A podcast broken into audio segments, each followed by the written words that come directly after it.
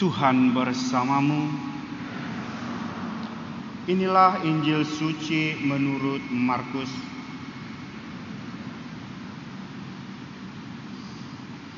Pada suatu hari, Yesus dan murid-muridnya tiba di Yeriko.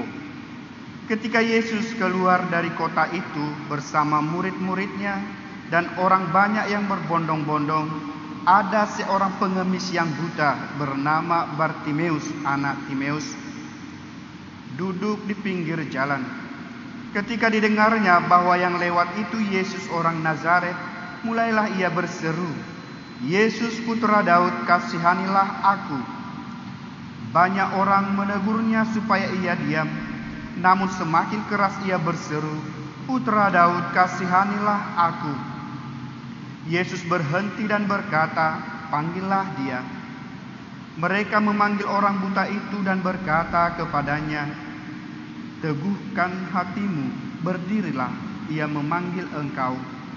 Orang buta itu lalu menanggalkan jubahnya. Ia segera berdiri dan pergi kepada Yesus. Yesus bertanya kepadanya, "Apa yang engkau kehendaki aku lakukan bagimu?" Jawab orang buta itu, "Rabuni, aku ingin dapat melihat." Yesus lalu berkata kepadanya, "Pergilah, imanmu telah menyelamatkan engkau." Pada saat itu juga ia dapat melihat Lalu ia mengikuti Yesus dalam perjalanannya. Demikianlah sabda Tuhan. Terpujilah Kristus.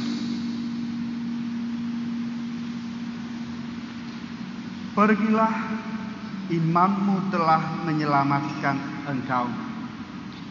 Saudara-saudariku yang terkasih, tiga bacaan telah kita dengar inti yang mau disampaikan kepada kita ialah semua orang baik orang yang kaya, orang yang miskin, yang tua, yang muda maupun anak-anak berhak mendapatkan kebaikan.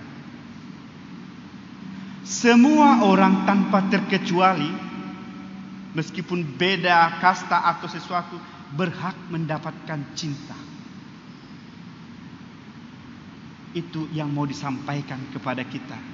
Dan diteguhkan dalam bacaan yang kedua, semua orang bertanggung jawab memberikan cinta itu bagi sesama. Kalau kita berhak mendapatkan kebaikan, karena kita adalah orang Kristiani, orang yang terpanggil, orang yang kaya, orang yang miskin, orang yang memiliki hati nurani.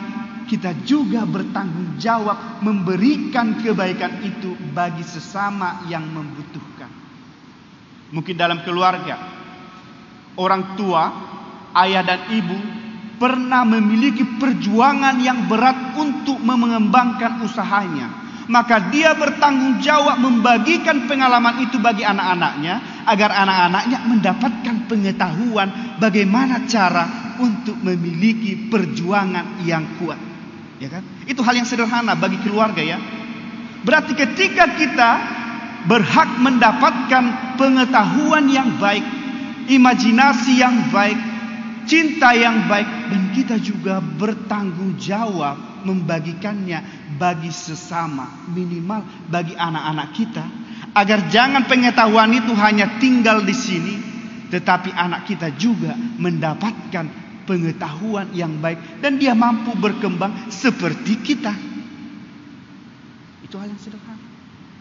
Maka ketika Yesus mampu menyembuhkan orang yang buta itu, bukan hanya orang-orang yang sehat, yang mengikuti, yang berbondong-bondong yang diselamatkan. Tetapi orang yang terbuang, yang tidak terhitung, yaitu orang yang buta. Banyak orang, eh ngapain kamu memanggil-manggil Yesus? Eh diam, diam, diam situ.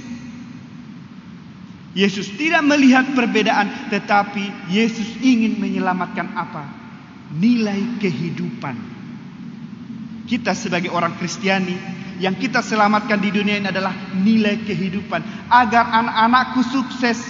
Ya kan? Nilai kehidupan. Agar dia sukses maka aku akan memotivasi dengan baik. Hal yang sederhana. Agar anak-anakku pintar jangan hanya gara-gara uh, belajar online, tetapi agar dia pintar, aku juga harus bertanya-tanya terus sampai di mana dia mengetahui pelajaran yang dia dapat. Berarti ada nilai kehidupan yang mau kita angkat dari anak kita. Itu kan hal yang sederhana dalam keluarga. Tetapi Yesus menginginkan jangan hanya tinggal di dalam hatimu. Kalau engkau tahu kebaikan itu baik, kebenaran itu baik, tetapi bagilah bagi sesamamu. Ada orang yang gampang mengembangkan usaha, ada orang yang pontang-panting, tidak tahu bagaimana cara mengembangkan usaha. Di situlah kesempatan kita. Maka kita juga bertanggung jawab seperti bacaan yang kedua. Bagaimana ia bisa diangkat menjadi imam agung? Karena dia memiliki sesuatu yang istimewa dan mampu mengangkat harkat sesamanya. Dalam bacaan yang pertama, meskipun engkau ada dalam perbudakan, ada sisa-sisa Israel, aku akan bertanggung jawab menyelamatkan engkau. Bukan hanya orang yang sudah menjadi lewat dari sisa-sisa itu, tetapi mereka juga bisa dapat bagian dalam keselamatan. Saudara-saudariku yang terkasih, kita lihat orang buta tadi. Apa yang istimewa dari dalam dirinya? Ah orang buta kok, orang miskin kok tidak sesempurna saya. Ngapain dia ikut Yesus? Capek nanti kita hanya nenteng-nenteng tangannya karena dia tidak bisa melihat. Mungkin itu pandangan orang yang berbondong-bondong. Kalau dia nanti ikut-ikut, siapa yang memegang tangannya? Nanti saya terlambat mengikuti Yesus. Eh kau diam saja di situ. Yang berhak mengikuti Yesus adalah orang yang sempurna seperti kami, yang bisa melihat dan mendengar apa yang disampaikan Yesus. Tetapi keistimewaan dari orang buta itu adalah ada mata hatinya melihat sesuatu. Apakah kita memiliki mata hati? Iya. Ketika kita selalu melihat kebaikan dalam diri orang lain, ah, meskipun dia galak, tetapi dia tetaplah saudaraku. Ya? Kau tidak membencinya karena dia memakimu, tetapi engkau melihat Ah, dia kan masih saudaraku, tidak apa-apa, aku akan sabar. Itulah mata hati. Engkau masih melihat kebaikan. Tetapi ada lawan dari mata hati yaitu prasangka. Prasangka tidak berasal dari hati tapi hanya dalam pikiran, duga-dugaan saja. Itulah kan? Baru dia orang sukses, sudah berani memaki-maki saya. Sampai kapan pun saya tidak akan pernah menyapanya. Maka akan ada dalam hatimu kecemasan, ketakutan, tetapi ketika mata hati, ah tidak apa-apalah. Mungkin ini salah paham. Tapi karena dia masih saudaraku, ya aku sebagai abang yang baik, aku akan sabar. Itulah mata hati. Orang buta itu ketika mendengar Yesus, oh Yesus. Meskipun dia tidak melihat Yesus itu siapa, tapi Yesus putra Daud kasihanilah aku. Mata hatinya melihat kebenaran. Mata hatinya melihat cinta, mata hatinya melihat kebaikan dalam diri sesama. Ketika mata hatinya sudah melihat, maka muncul suara hati. Tidak apa-apa, meskipun dia sudah marah-marah dengan anak saya, tapi aku masih menghargainya sebagai saudaraku. Mungkin suatu saat nanti dia akan menyadari kesalahannya. Itulah suara hatimu ada niat yang baik masih engkau ungkapkan. Tapi kalau masih tinggal dalam prasangka itulah enak. Dari kau lihat kan, mama dipermalukan di pesta. Jangan pernah sekali-sekali pergi ke rumah paman itu.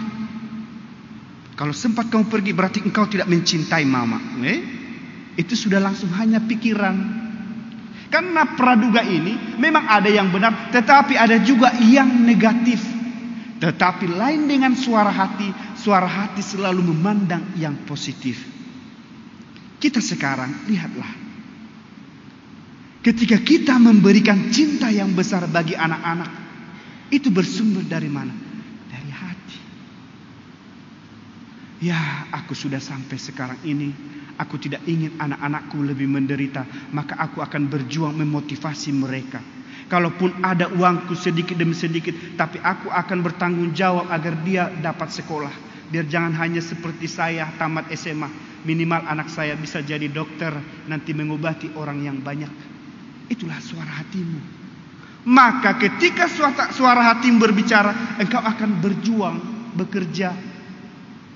Engkau akan memotivasi dirimu. Yang penting aku dapat modal agar anakku bisa dapatkan kebaikan. Tidak apa-apa aku dengan rendah hati saat ini. Tetapi aku yakin Tuhan akan mengetuk hati saudaraku yang mempermalukanku. Dan ketika dia menyadari bahwa dia yang salah, maka dia akan meminta maaf untukku. Itulah suara hati. Mari kita lihat sampai hari ini apakah suara hati kita membantu kita berkembang? Apakah suara hati kita membantu anak-anak kita sukses seperti sekarang? Apakah minimal karena suara hati kita anak-anak kita bisa pintar, bisa sukses, bisa dicintai orang lain. Maka tiga bacaan ini bukan menegaskan bahwa kita orang yang berbondong-bondong, tetapi Yesus ingin mengajak, lihatlah banyak orang yang harus kita selamatkan. Kita selamatkan dengan apa? bantulah dia menemukan nilai kehidupan dalam hidup. Saudara-saudariku yang terkasih, sampai hari ini kita masih tinggal dalam suara hati. Suara hati kita masih berbicara. Hal itu kita bisa lihat ketika kita selalu bersyukur. Ketika kita masih tetap bersuka cita tidak apa-apa nak, kali ini nilaimu rendah, tidak apa-apa, engkau tetap anakku. Mungkin tahun depan kau akan lulus. Ya kan? Itu suara hati. Dengan kelembutan dalam dirimu, cinta dalam dirimu, maka orang-orang akan merasakan aku masih berharga. Mamaku meskipun aku nilai yang buruk, mamaku masih mencintaiku, masih memberikan senyum untukku. Maka seperti yang kata yang awal tadi, ketika kita berhak mendapatkan cinta, kita juga berhak memberikan dan bertanggung jawab memberikan cinta bagi sesama. Kerendahan hati yang diulurkan oleh Yesus bagi orang buta adalah pelajaran bagi kita. Kita juga bisa menjadi imam agung. Kita juga bisa bisa menjadi penyelamat ketika kita mampu mengulurkan tangan bagi sesama. Mungkin sudah pernah saya sampaikan kepada umat. Kami sebagai imam bisa hidup dan bertahan di paroki karena cinta umat kepada kami. Ya kan?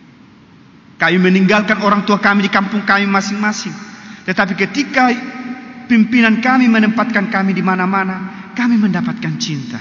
Kami mendapatkan orang tua, kami mendapatkan ayah, ibu, saudara-saudari karena mereka menganggap kami sebagai anak-anaknya.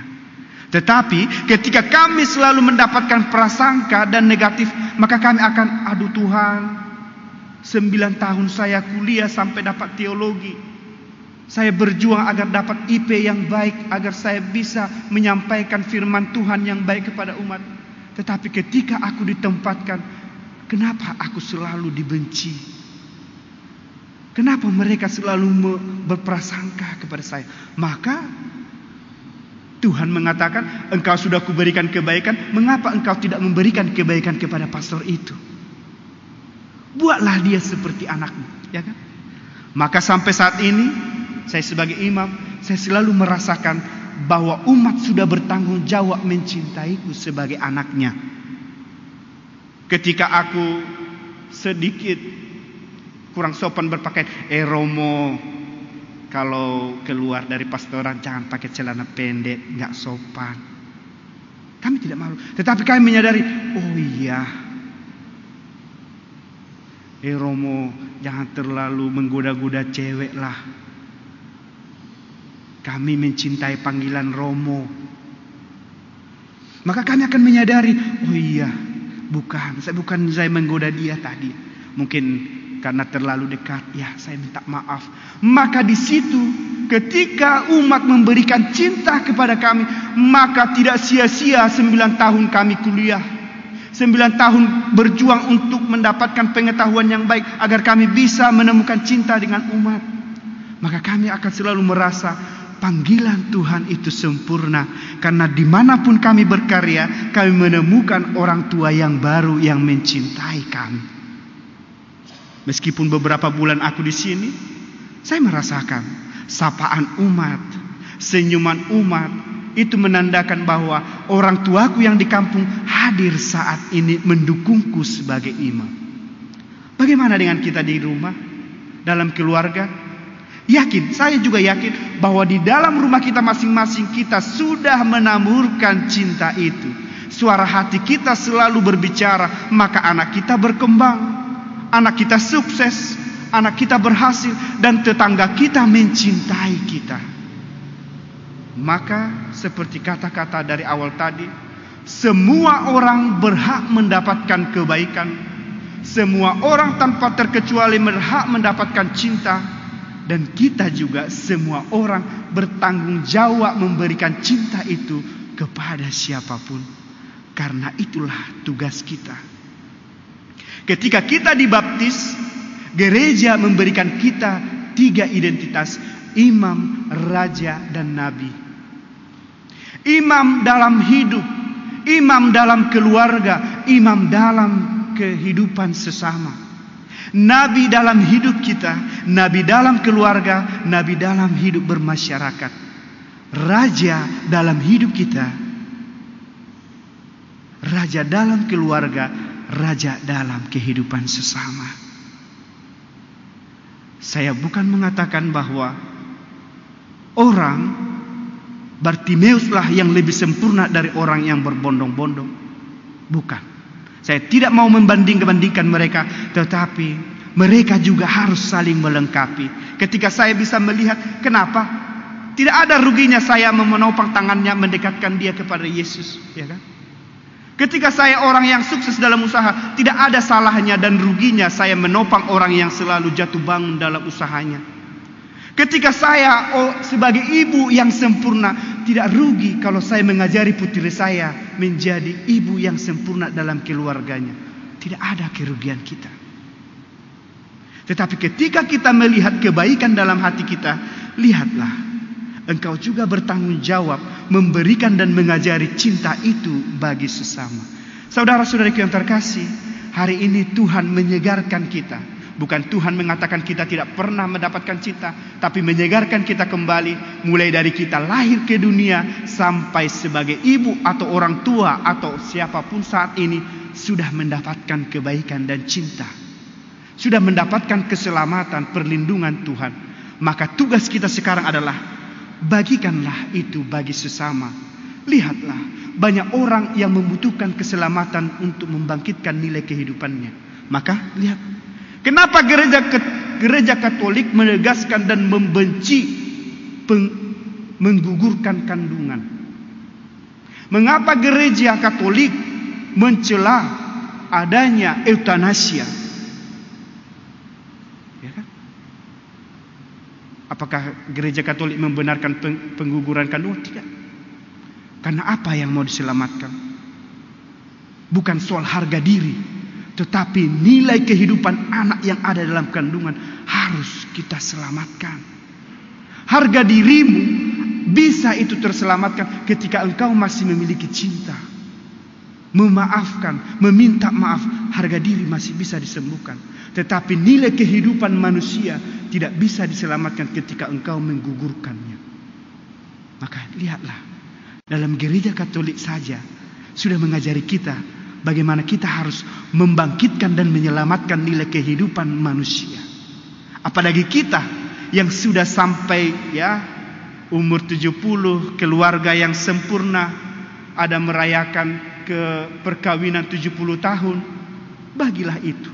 Banyak pengalaman yang sudah kau bagikan, bagikanlah itu untuk orang-orang yang masih dalam masalah keluarga anak-anakmu yang selalu bertengkar suami istri karena salah paham, jangan membela putrimu, jangan membela anakmu, tetapi berikanlah inspirasi bagaimana kamu membangun rumah tanggamu dengan baik sehingga mereka menyadari ibuku saja pernah mengalami masalah seperti ini, tapi tetap membangun cinta dalam keluarga.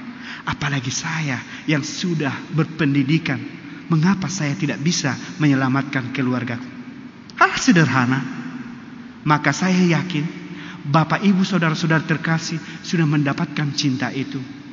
Maka tugas kita sekarang adalah Yesus memberikan contoh bagi kita. Dia menyelamatkan Bartimeus. Maka kita sebagai orang terpanggil, sebagai Dominikan awam, sebagai umat lingkungan, mari masih banyak Bartimeus-Bartimeus yang lain yang harus kita selamatkan, yang harus kita sembuhkan melalui apa? Sapaan yang selembut, doa yang menyelamatkan. Tuhan memberkati. Bersamamu dan bersama rohmu. Inilah Injil suci menurut Santo Markus. Dimuliakanlah Tuhan.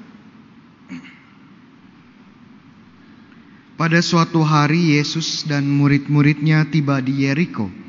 Ketika Yesus keluar dari kota itu bersama-sama murid-muridnya dan orang banyak berbondong-bondong, ada seorang pengemis yang buta bernama Bartimeus anak Timeus duduk di pinggir jalan. Ketika didengarnya bahwa yang lewat itu Yesus orang Nazaret, mulailah ia berseru, "Yesus, putra Daud, kasihanilah aku." Banyak yang menegurnya supaya ia diam. Namun semakin keras ia berseru, "Putra Daud, kasihanilah aku." Yesus berhenti dan berkata, "Panggillah dia." Mereka memanggil orang buta itu dan berkata kepadanya, "Teguhkanlah hatimu, berdirilah, ia memanggil engkau." Orang buta itu lalu menanggalkan jubahnya. Ia segera berdiri dan pergi kepada Yesus. Yesus bertanya kepadanya, "Apa yang engkau kukendaki aku lakukan bagimu?" Jawab orang buta itu, "Rabuni, aku ingin dapat melihat." Yesus lalu berkata kepadanya, "Pergilah, imanmu telah menyelamatkan engkau." Pada saat itu juga ia dapat melihat. Lalu ia mengikuti Yesus dalam perjalanannya. Demikianlah sabda Tuhan. Terpujilah Kristus. Saudara-saudari yang terkasih dalam Kristus, kisah Injil pada hari ini, kisah Bartimeus, adalah salah satu kisah di dalam Injil yang menurut saya sangat indah, sangat mengesankan, dan juga sangat dalam. Ya. Cerita ini berkisah tentang seorang buta yang bernama Bartimeus. Kata Bartimeus itu artinya anak Timeus. Ya. Bar itu anak Timeus. Ya. Kayak dalam bahasa Arab bin ya, bin Timeus, Bartimeus. Dan Bartimeus ini nasibnya malang sekali. Bahwa dia adalah seorang pria yang nasibnya hidupnya hancur karena berbagai kesulitan yang dia miliki di dalam hidupnya. Dia buta. Dia miskin. Dia juga mendapatkan diskriminasi dari masyarakat sekitarnya. Tapi yang menarik adalah walaupun mendapatkan banyak kemalangan dan juga tekanan dari berbagai pihak, dia tidak menyerah. Dia tidak berhenti untuk mencari penebusan. Dia tidak pernah berhenti untuk mencari makna hidup. Bisa kita bayangkan kondisinya. Dia adalah seorang yang buta ya. Kita tidak tahu apakah dia buta sejak kecil atau baru-baru saja ya kita tidak tahu dengan pasti. Tetapi tentunya bagi kita manusia visi atau penglihatan adalah satu indera yang sangat penting. Kita melihat dunia dengan mata, kita menavigasikan dunia, ya mengatur hidup kita dengan penglihatan. Bayangkan kalau semuanya hilang, semuanya gelap.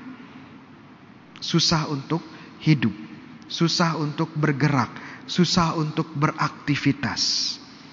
Dan bisa dibayangkan Bartimeus ini berusaha sepanjang hidupnya, ya, dan hanya gelap dan kegelapan yang dia lihat. Betapa pentingnya indera penglihatan. Tapi di sisi lain juga tidak hanya masalah dia memiliki disabilitas, tetapi juga kita harus melihat bahwa kondisi pada saat itu, kondisi hidup pada saat itu masyarakat tidak bersahabat dengan orang-orang yang memiliki disabilitas. Orang-orang yang memiliki disabilitas, entah itu uh, tunarungu, ya tunanetra, ada lumpuhnya, itu dibilang sebagai sebuah kutukan sebagai manusia tidak berguna, sebagai sampah masyarakat. Mungkin juga tidak hanya masyarakat, tetapi juga bahkan keluarganya. Bartimeus mengalami penolakan ini. Bartimeus mengalami diskriminasi. Zaman sekarang kita adalah zaman yang lebih baik kondisinya baik negara maupun lembaga-lembaga NGO atau lembaga-lembaga kasih gereja ini sangat perhatian dengan orang-orang yang memiliki disabilitas. Di Surabaya sebagai contoh ya ada kelompok katekis yang memang belajar untuk bahasa isyarat agar kalau ada teman-teman yang tidak bisa mendengar bisa tetap mengikuti misa. Jadi bagaimana kondisi sekarang sangat bersahabat dengan orang teman-teman kita yang memiliki disabilitas. Tapi berbeda dengan zaman Tuhan Yesus. Sudah sulit karena memiliki disabilitas masih mendapatkan diskriminasi. Tidak heran jika akhirnya Bartimeus menjadi pengemis. Dan bahkan mengemisnya juga di luar kota Yerusalem di pinggir jalan di dekat gerbang pintu kota Yeriko, maaf. Jadi dia kalau ada orang lewat mau masuk ke Yeriko atau keluar dari Yeriko, ini kesempatan dia untuk mendapatkan sesuap makanan. Bukan karena dia malas, bukan karena dia ini suka tipu-tipu ya supaya dapat uang. Tapi memang karena kondisinya sangat-sangat sulit. Kalau kita jadi dia mungkin kita tidak akan bertahan lama. Ya, mungkin kita tidak akan bertahan lama. Bartimeus menjadi korban kehidupan, menjadi korban sistem yang tidak adil pada waktunya, pada zamannya. Dan kemudian kita kisahnya tidak hanya berhenti di situ, kisahnya berlanjut dengan Yesus yang melewati kota Yeriko, ya, yang tentunya dia berjalan menuju kota Yerusalem. Karena Yeriko ke Yerusalem itu tidak lagi jauh ya. Dan Bartimeus mendengar hal ini bahwa Yesus mampir. Yesus melewati tempat dia tinggal dan mengemis. Dan tentunya Bartimeus sudah mendengarkan ya dari banyak orang, dari teman-temannya mungkin, "Hei, ada seorang yang namanya Yesus dari Nazaret." Dan dia melakukan banyak mukjizat. Khotbahnya luar biasa. Dan dia sepertinya adalah sang Mesias yang kita tunggu-tunggu. Dan tentunya ini kesempatan yang sangat-sangat langka saat Yesus lewat. Dan ini kesempatan yang tidak disia-siakan oleh Bartimeus. Dan Bartimeus pun menggunakan kesempatan ini dengan memanggil Yesus. Yesus, Putra Daud, kasihanilah aku. Tapi sekali lagi kita lihat ya, sistem di sekitarnya, orang-orang di sekitarnya justru semakin menekan dia.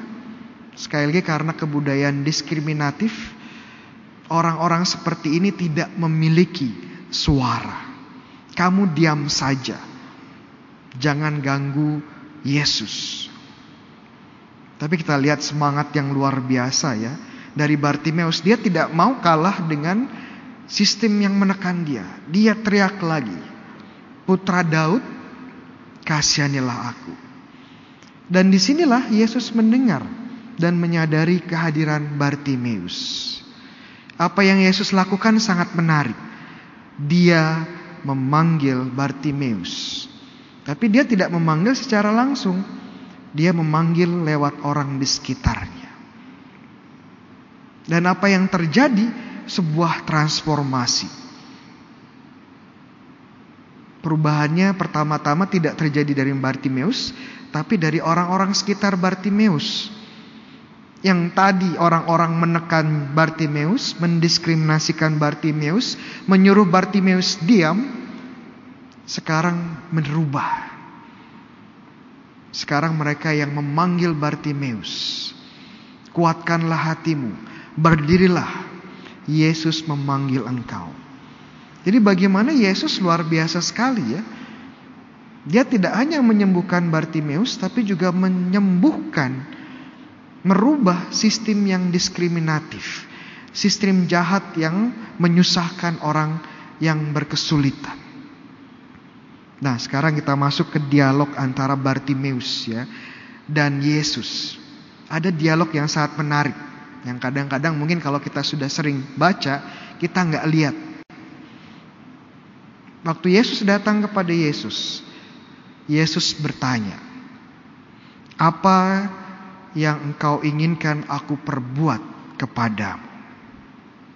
Kalau kita baca sejenak, sepertinya pertanyaan Yesus ini agak konyol ya agak aneh.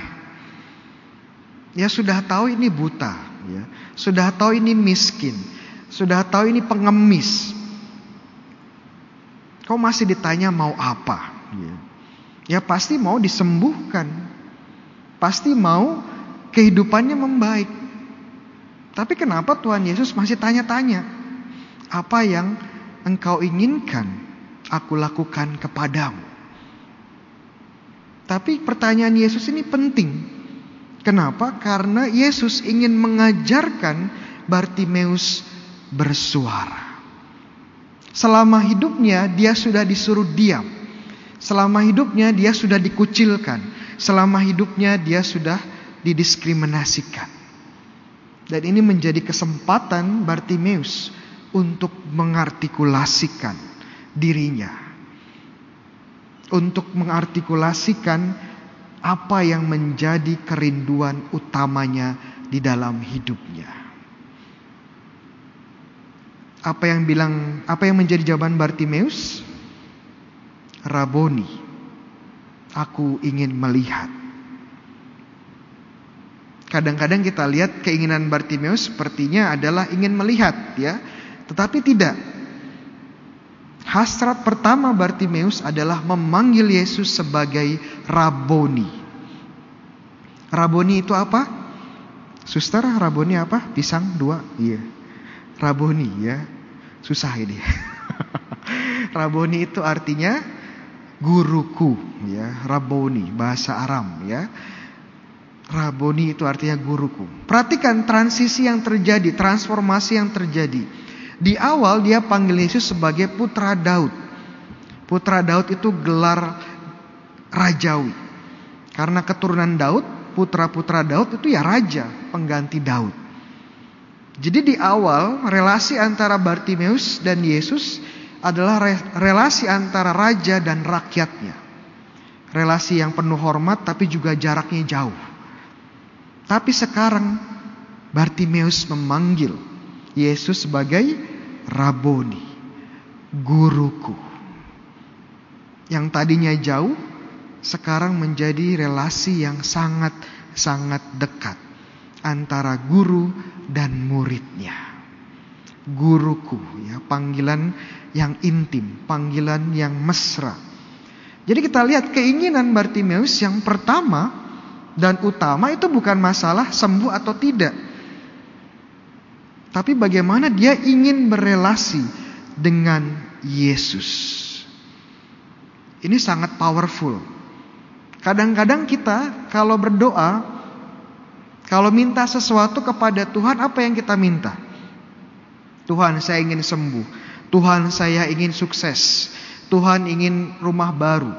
Tuhan supaya usaha lancar. Tuhan supaya relasi saya lancar. Tuhan supaya dapat jodoh, ya, segala macam lah ya. Tapi pernah nggak kita berdoa Tuhan, saya ingin lebih dekat lagi dengan Engkau. Tuhan, saya ingin berelasi dengan Engkau lebih hangat dan dekat lagi. Engkau guruku. Ini konteks yang luar biasa karena perubahannya bukan hanya perubahan fisik tetapi relasi dengan Tuhan Yesus. Makanya permintaan kedua, aku ingin melihat menjadi lebih make sense dalam konteks ini. Kenapa? Karena per orang pertama yang Bartimeus lihat adalah Yesus sendiri. Tidak ada gunanya untuk melihat kalau kita tidak melihat Yesus. Tidak ada gunanya punya mata tapi kalau kita tidak melihat Yesus. Bartimeus mengerti ini. Visinya tidak akan berguna kalau dia tidak ikut Yesus. Kalau dia tidak melihat Yesus. Kita punya mata. Kita tidak buta di sini.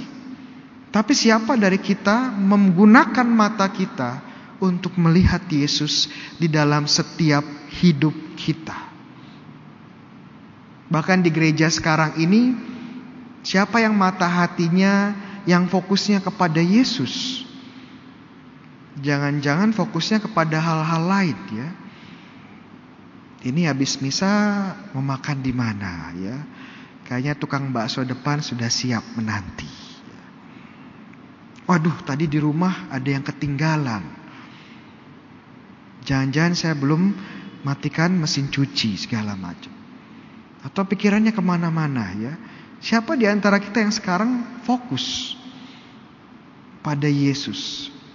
Punya mata untuk melihat, tapi siapa di antara kita yang melihat Yesus?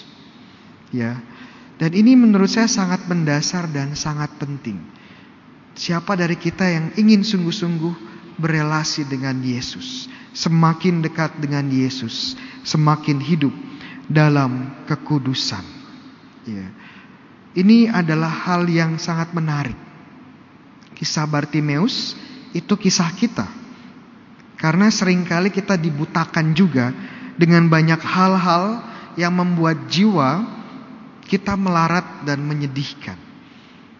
Kadang-kadang kita lebih mengejar hal-hal yang memiskinkan kehidupan kita, memiskinkan kehidupan rohani kita benar, nyaman secara duniawi, sejahtera secara duniawi, tapi jiwanya dimiskinkan. Kita mungkin memiliki yang terbaik yang dapat kita dapatkan di dunia ini, tetapi belum tentu kita memiliki yang paling penting di dunia ini. Mungkin saya menutup dengan sedikit ya dengan kutipan dari seorang pemuda yang menjadi beato ya. Dia meninggal dalam usia muda, tapi karena hidupnya yang kudus, dia sudah menjadi seorang beato. Namanya Carlo Acutis. Dan salah satu kutipan yang menarik buat saya adalah kita dilahirkan orisinil, tetapi kita mati sebagai fotokopian. Ya, we are born original, but we die. Many of us die as fotokopies ya, fotokopies. Maksudnya apa Romo? Ya, lahir sebagai original tapi kok jadi fotokopian. Ya, maksudnya apa? Karena kita saat dilahirkan kita diciptakan sebagai citra Allah yang unik. Citra Allah yang sangat indah. Citra Allah yang sangat-sangat luar biasa. Tapi saat kita bertumbuh kita malah jadi fotokopian dari orang lain.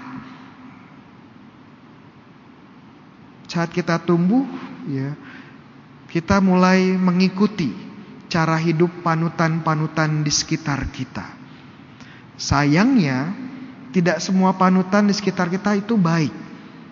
Mungkin ada panutan orang-orang di sekitar kita yang setiap hari berkata kasar. Mungkin ada orang-orang yang kita panuti tapi kerjaannya mencibir orang lain. Mungkin kita melihat teladan kita yang tidak memberikan teladan kehidupan karena terus melakukan kecurangan. Atau kita juga mengidolakan ya, menjadikan panutan ya influencer ya, influencer sosial media yang kerjaannya hanya pamer kekayaan. Pamer mobil mewah, pamer rumah mewah, pamer badan yang bagus ya. Sehingga kita melihat bahwa kebahagiaan itu hanya didapatkan kalau kita seperti mereka. Memberikan konsep dan ide yang salah tentang kebahagiaan dan image kita. Atau mungkin dari kita ada yang mengidolakan ya, selebriti-selebriti nasional atau internasional. Menjadikan mereka panutan kita. Apa yang mereka lakukan, kita lakukan. Apa yang mereka pakai, kita pakai ya. Jadi kalau ada si Yungkook BTS itu kalau pakai sepatu warna putih ya, semuanya ikut pakai sepatu warna putih. Kalau dia pakai jaket warna biru, semuanya beli jaket warna biru. Ya. Kalau dia lagi pakai rambut dicat warna hijau neon yang nyala kalau gelap, ya, semuanya juga pakai seperti itu. Romo apakah salah mengidolakan selebriti, selegram, influencer gitu? Enggak, enggak salah, tapi ya kritis dikit ya. Kritis, mana yang mereka bawa sebagai yang baik, mana yang tidak baik. Itu juga penting. Dan akhirnya kita kembali seperti Bartimeus, Tuhan akan tanya, apa yang sebenarnya kamu inginkan di dalam hidup ini? Harapannya sama seperti Bartimeus bahwa kita ingin memanggil Yesus sebagai Raboni. Tidak ada yang lain Tuhan selain Engkau. Amin. The Lord be with you. and with your spirit. A reading from the Holy Gospel according to St. Mark. Glory to you, O Lord. As Jesus was leaving Jericho with his disciples and a sizable crowd, Bartimaeus, a blind man, the son of Timaeus, sat by the roadside begging. On hearing that it was Jesus of Nazareth, he began to cry out and say, Jesus on the way. The Gospel of the Lord. Praise to you, Lord Jesus Christ. Please be seated. Upon hearing that Jesus Christ was the one passing by, Bartimaeus cried out, Son of David, have pity on me. This is a cry of a person who is desperate. He was desperate because he must have tried so many things in life, but he sees only in Jesus the possibility of seeing again. So Jesus Christ is not somebody who is just one of the options. For him, Jesus is the only option. And he needs him in his life. That is why when people tried to silence him, he did not succumb to the uh, to what people told him, but rather he cried out louder, all the more. Why? Because he is desperate.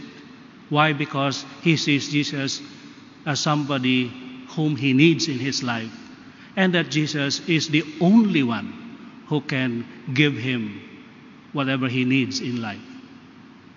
So, this is now uh, the first step for something great to happen in our lives. When we see God, when we see Jesus as the only one who can give it to us, when we see Him as somebody whom we really need, we need, not something that we simply want, somebody who, whom we like, just like one among the many. But when we begin to see Jesus as the only one who can really give meaning and purpose to our lives, then we begin to see Him as our God. And that's the only way that we should be seeing Jesus out of desperation, out of need. Sadly, sometimes we consider Jesus as, yeah, need when we are already in trouble. But when we are yeah, well off or life is not so troublesome, we look for somebody else to be with us. We look for something else to satisfy our needs. Then, when everything is already lost and there's not much that we can do, then we call God. Ah, that would be still good. At least we, we recognize God. But it's not good enough because most likely damage has already been done. Now, the problem is sometimes the damage is unrepairable. Now, that's the trouble. For example, in maintaining a car, normally we don't wait for the car to stop and not uh, start to put him into the mechanic, into the garage, as we say. But rather, we have it regularly checked up so that it is well maintained. Before troubles come, then we already have anticipated it and we have overcome it. Then we will never experience being uh, in an isolated place, stuck, simply because the car won't start. And when we do that, the trouble or the, the, the yeah, the problem will not multiply and will not aggravate. But the moment we just keep on sus, sus, uh, suspending the time of putting that to uh, the care of a mechanic, a small trouble becomes big and many. Good if we have the, the ear of a mechanic also, because some drivers, they are also mechanics. Just the sound, they could already detect something is wrong. But many of us only know how to drive, but we could not detect the trouble.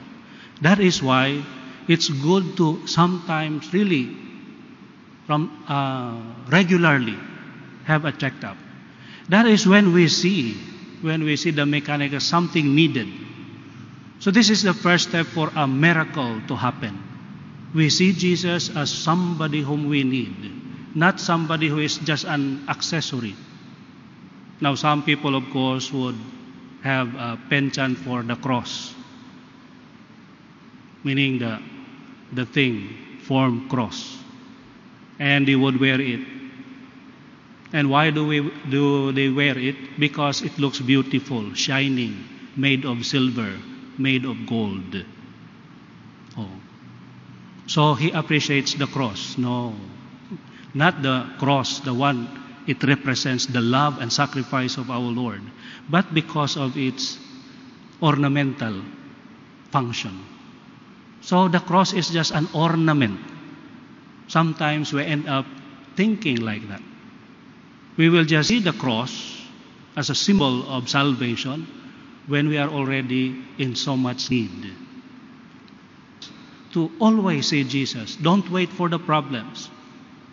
Right from the start to the middle and up to the end, we cling to Jesus as the only one who can save us. Now, Bartimaeus did not only show his persistence. When he was stopped, he cried out louder, all the more. But rather, he also uh, showed his eagerness. Because when finally he was told to come, he even let go of his cloak. What does it mean? Because the cloak, so this is also a very good step, the second step, that when we are already given the chance, we grab it to really follow our Lord, to do His will, to have a conversation with Him, to dialogue with God. And this is what happened. Bartimaeus really sprang up and then let go. It could mean also when we follow our Lord, when we are finally invited to follow Him, we cannot but also let go some of the things that many things, but won't give up anything. Sometimes we end up complaining so much problems in lives, but if you look at it, the problems actually were caused by our bad habits, bad lifestyle. Then, when we are sick, we ask for healing, but the lifestyle remains. Bartimaeus, no, he let go of the cloak. of things that hinder him from approaching the Lord quickly because of his eagerness. So this is the second thing that we have to reflect today. What is it that hinder us, prevents us right in the first place? Or anything, a very unhealthy habit that would make us physically sick, psychologically troubled, and socially rejected. And the only thing is to let it go. Or let them go.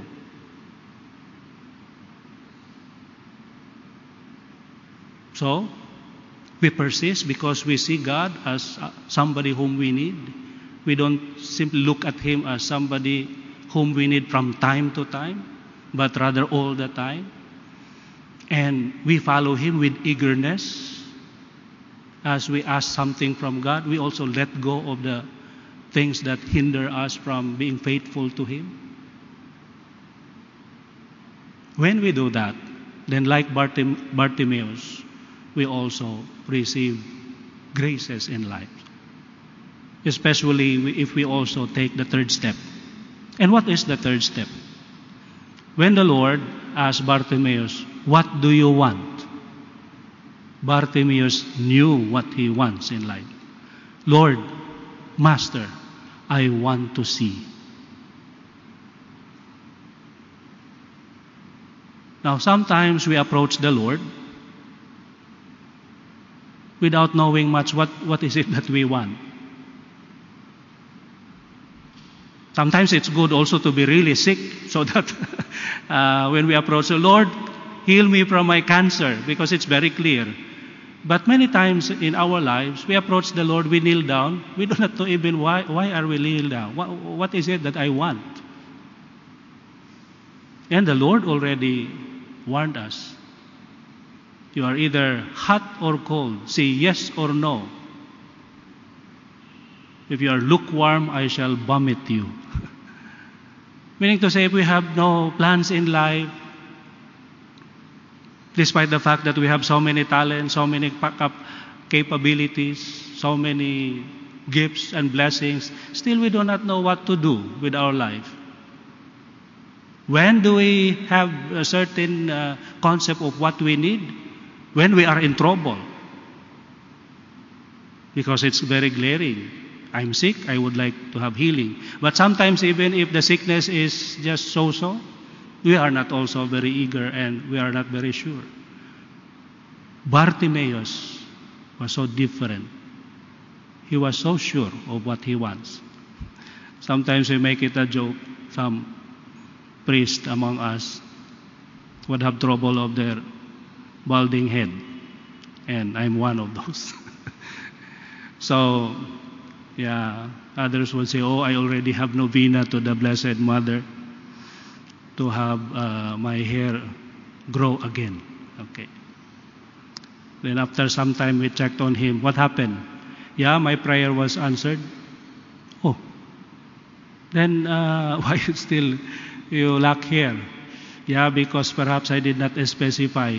Because the hair grow but on his chest. because there are people with uh, hairs on their, their hands, arms, and chest, but nothing on his forehead or, or his head. Uh, but kidding aside, it really helps.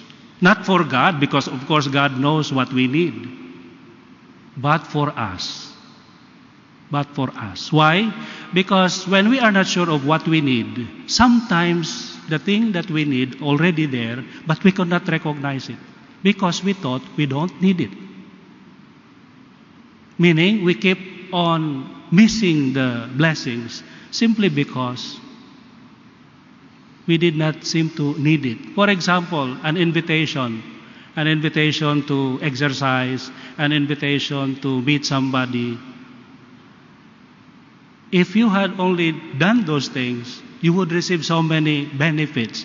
But simply you, you think that mm, I don't need it. So you are not grabbing it. Then you are missing so much blessings. So it pays to know what we need. persistence because we see Jesus as the only person who can meet our needs, eagerness, meaning we have to let go some of the things that hinder us from following Him, and certainty, clarity. That's why it requires contemplation, reflection. What do I want in life? What do I really need now? Then pursue it with persistence, with eagerness. Then miracle may happen. And that's the end of the story. No.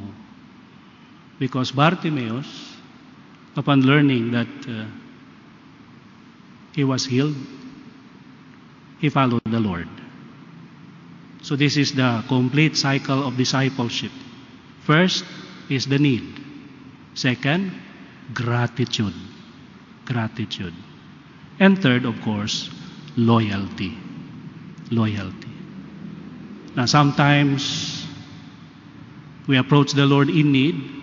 When we are already given what we need, we forget gratitude. I have healed ten lepers. Why only one return and this foreigner? Hmm.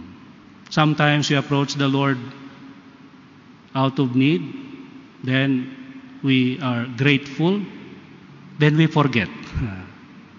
We go back to our old life, lifestyle. Then there is no loyalty. Loyalty. And the Lord also warned us. The moment you do such thing, beware, because the problems you had before will return back, will go back. You will have it once again. And it has already multiplied several times. Meaning your situation will be far worse than the first time you approached the Lord. That's why when He healed, He also warned go and never sin again. Because the moment you do, chances are it will be worse, in a worse uh, state than where you are now. So that's the complete lesson we can learn from Bartimaeus. See the Lord, not simply somebody who is an accessory to our life or somebody whom we need from time to time, but somebody whom we need all the time, and that He is the only one who can really give meaning to our life. That is why we approach the Lord with persistence, with eagerness, and with certainty. And once we are given with what we need, we give thanks and stay loyal to the Lord. Amen. Tuhan bersamamu dan bersama rohmu. Inilah Injil suci menurut Santo Markus. Dimuliakanlah Tuhan. Pada suatu hari Yesus dan murid-muridnya tiba di Yeriko. Ketika Yesus keluar dari kota itu bersama murid-muridnya dan orang banyak yang berbondong-bondong, ada seorang pengemis yang buta bernama Bartimeus, anak Timeus, duduk di pinggir jalan. Ketika didengarnya bahwa yang lewat itu Yesus orang Nazaret, mulailah ia berseru, "Yesus, putra Daud, kasihanilah aku." Banyak orang menegurnya supaya ia diam.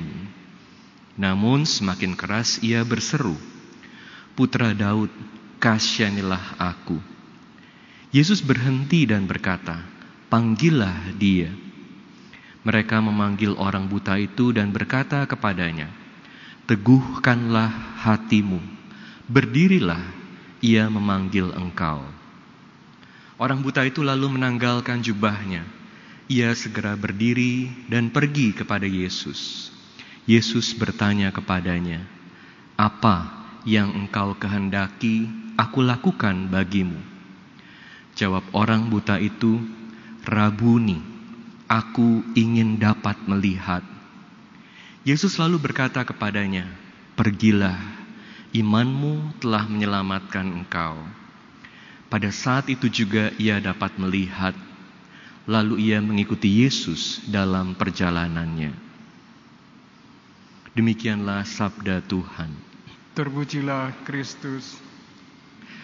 Apa yang engkau kehendaki, aku lakukan bagimu.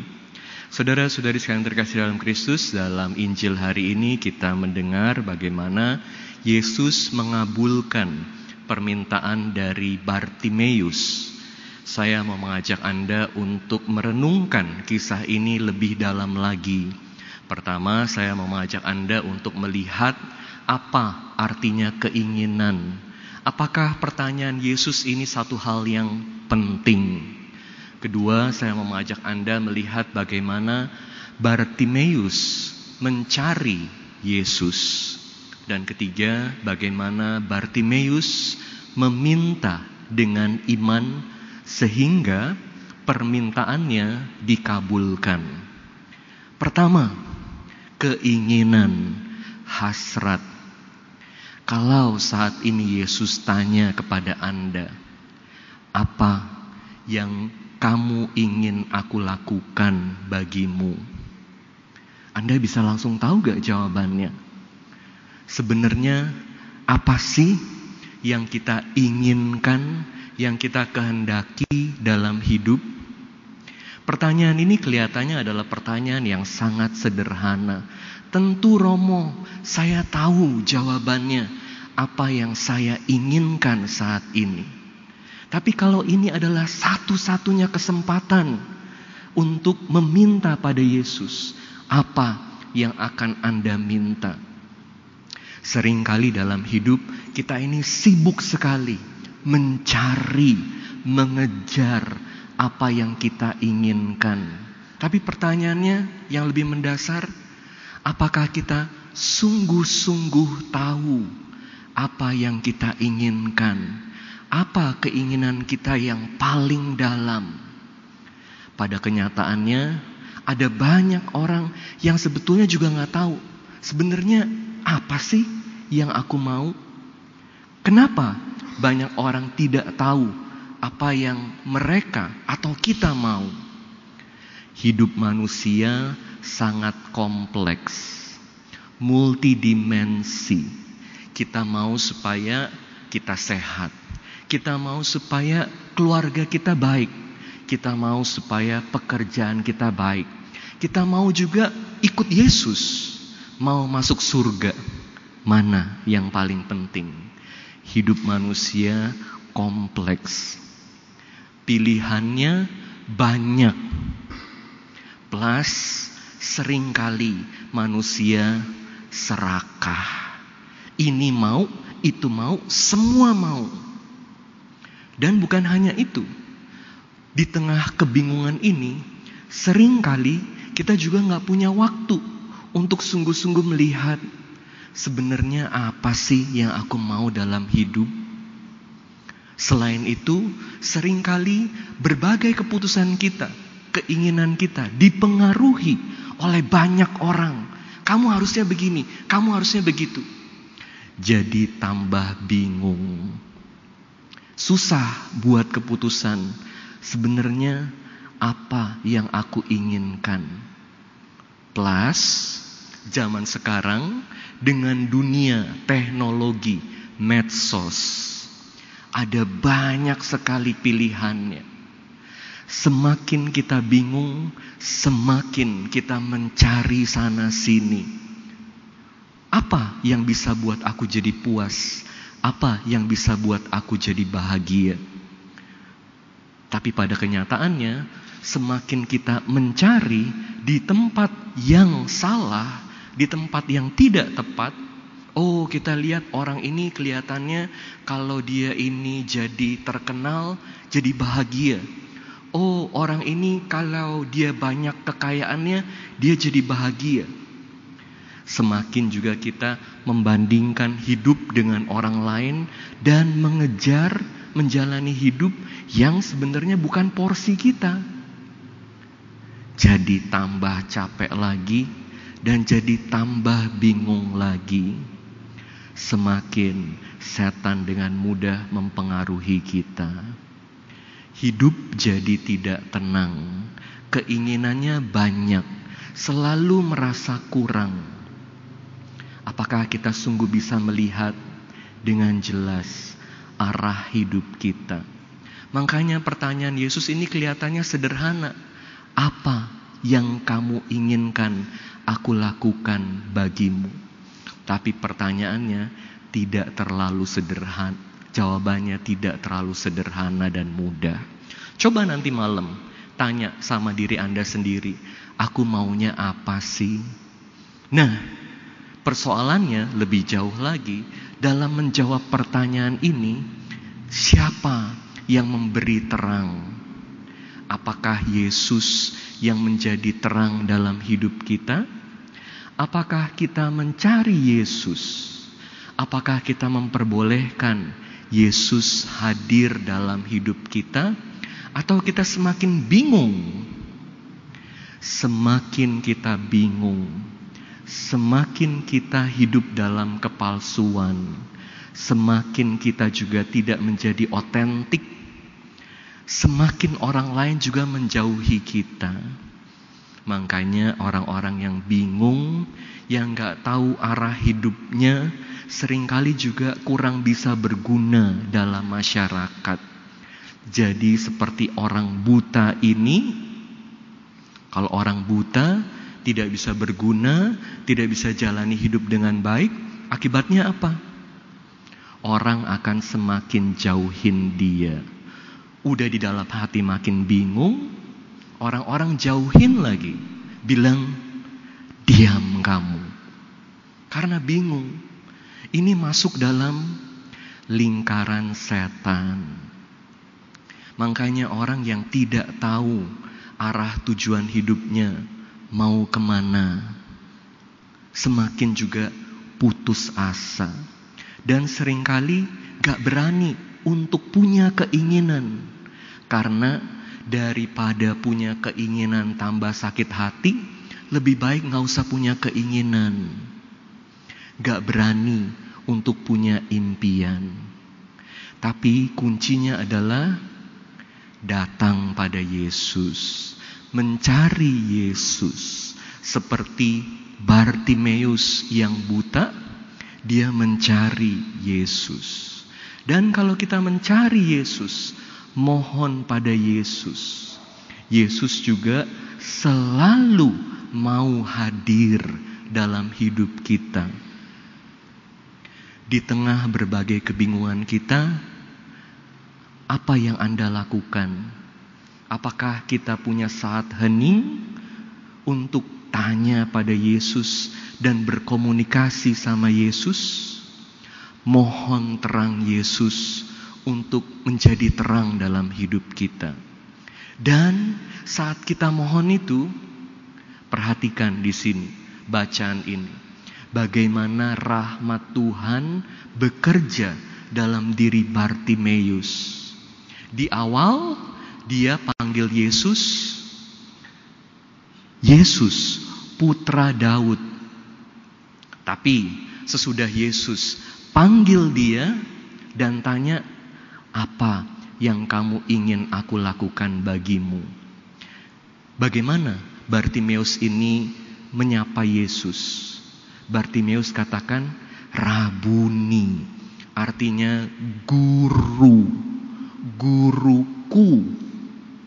Kalau sebelumnya Bartimeus cuma panggil Yesus sebagai Yesus, anak Daud, sekarang udah ada hubungan antara Yesus dan Bartimeus. Bartimeus dan Yesus. Hubungan ini jadi sangat penting karena dengan hubungan ini berarti rahmat Tuhan semakin mengakar dalam diri Bartimeus. Jadi kalau terangnya dalam mencari arah hidup adalah terang dunia, kita bisa jadi semakin bingung, jadi semakin buta. Tapi mohon terang dari Yesus. Sempetin untuk cari Yesus. Dan dengan demikian, kita juga semakin dimampukan oleh rahmat Tuhan dan bisa bertumbuh dalam iman. Makanya di akhir bacaan ini Yesus katakan, imanmu menyelamatkanmu. Kalau Yesus jawab permintaannya Bartimeus, itu karena apa? Karena Bartimeus memohon dengan iman. Tapi Romo, kan minggu lalu kita juga ingat bagaimana Yohanes dan Yakobus juga ditanya hal yang sama oleh Yesus. Apa yang kamu ingin aku lakukan bagimu. Anda ingat ya, bagaimana Yesus tanya pertanyaan ini kepada Yohanes dan Yakobus, dan Yesus bilang, "Kamu nggak ngerti, nggak tahu apa yang kamu minta." Kenapa? Karena mereka hanya meminta berdasarkan keinginannya sendiri dengan terang dari dunia, terangnya sendiri. Tapi Bartimeus meminta dengan terang iman, terang Yesus. Apa artinya meminta dengan terang iman? Bukan hanya meminta dengan penuh kepercayaan, tapi juga meminta dengan relasi dengan Tuhan, dengan mohon pencerahan dari Tuhan, supaya apa yang aku minta sejalan dengan kehendak Tuhan. Jadi pada akhirnya yang kita minta ini adalah apa yang Tuhan sendiri mau berikan kepada kita. Satu hubungan yang indah antara kita dan Tuhan.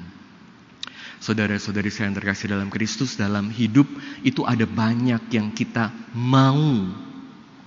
Kita pikir apa yang kita mau itu adalah apa yang kita butuhkan.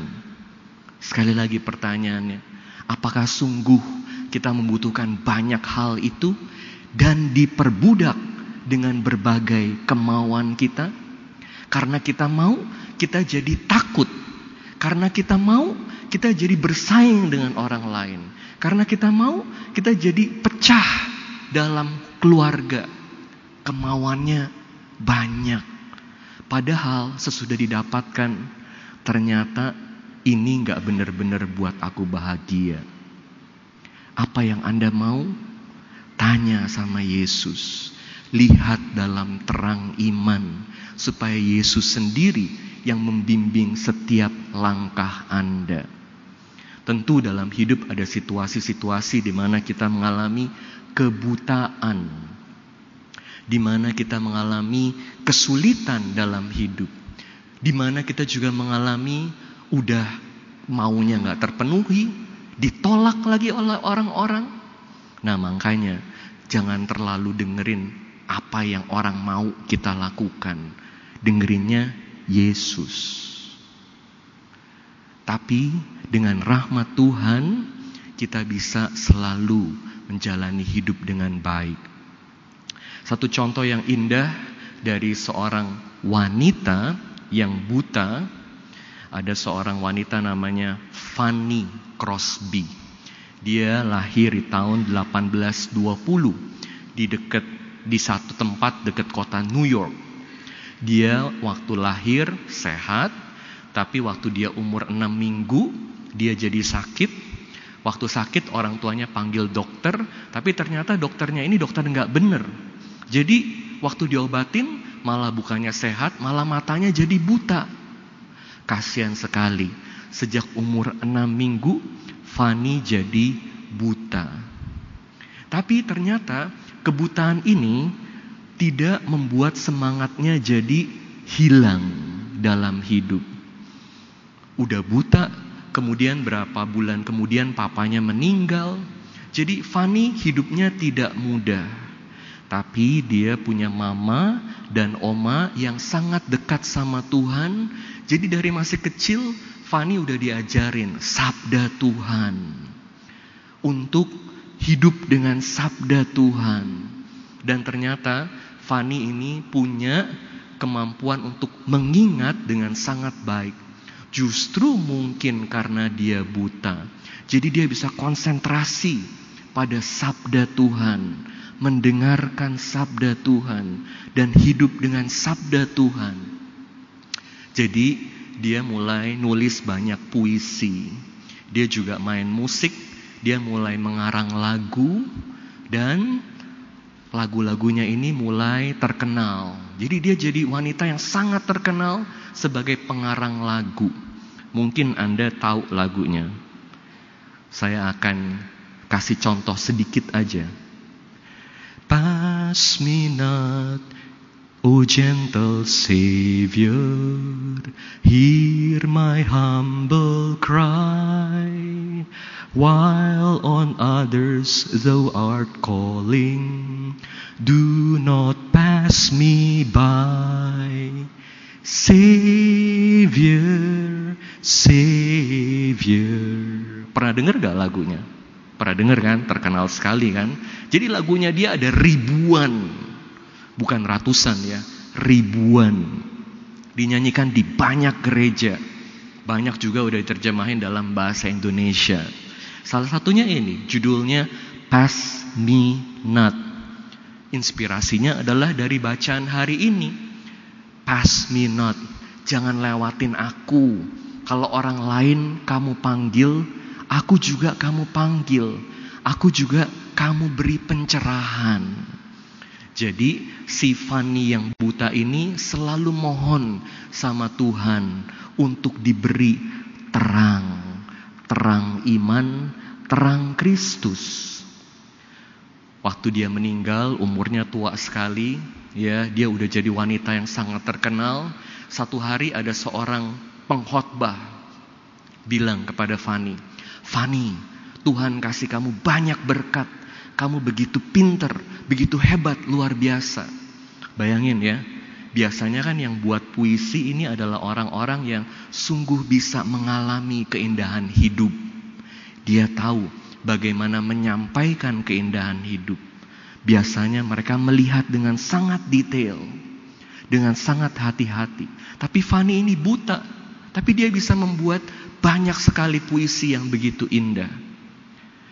Pengkhotbah itu bilang, cuma satu hal yang Tuhan gak kasih sama kamu. Mata kamu bisa melihat. Sayang, Tuhan gak kasih kamu kemampuan untuk melihat dengan mata kamu. Fani bilang apa? Dia bilang, kalau saya lahir dan boleh minta sama Tuhan, Tuhan tanya, Fani, apa yang kamu kehendaki? Anda tahu apa jawaban Fani? Fani bilang, saya akan minta sama Tuhan supaya saya dilahirkan buta. Loh kok bisa? Karena dengan demikian itu artinya saat saya nanti masuk surga bertemu Tuhan Yesus. Hal yang pertama saya lihat adalah wajah Yesus sendiri yang selalu menyertai saya.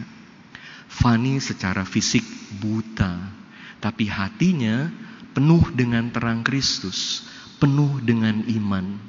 Bagaimana dengan kita yang bisa melihat banyak hal? Apakah hati kita juga dipenuhi dengan terang Kristus?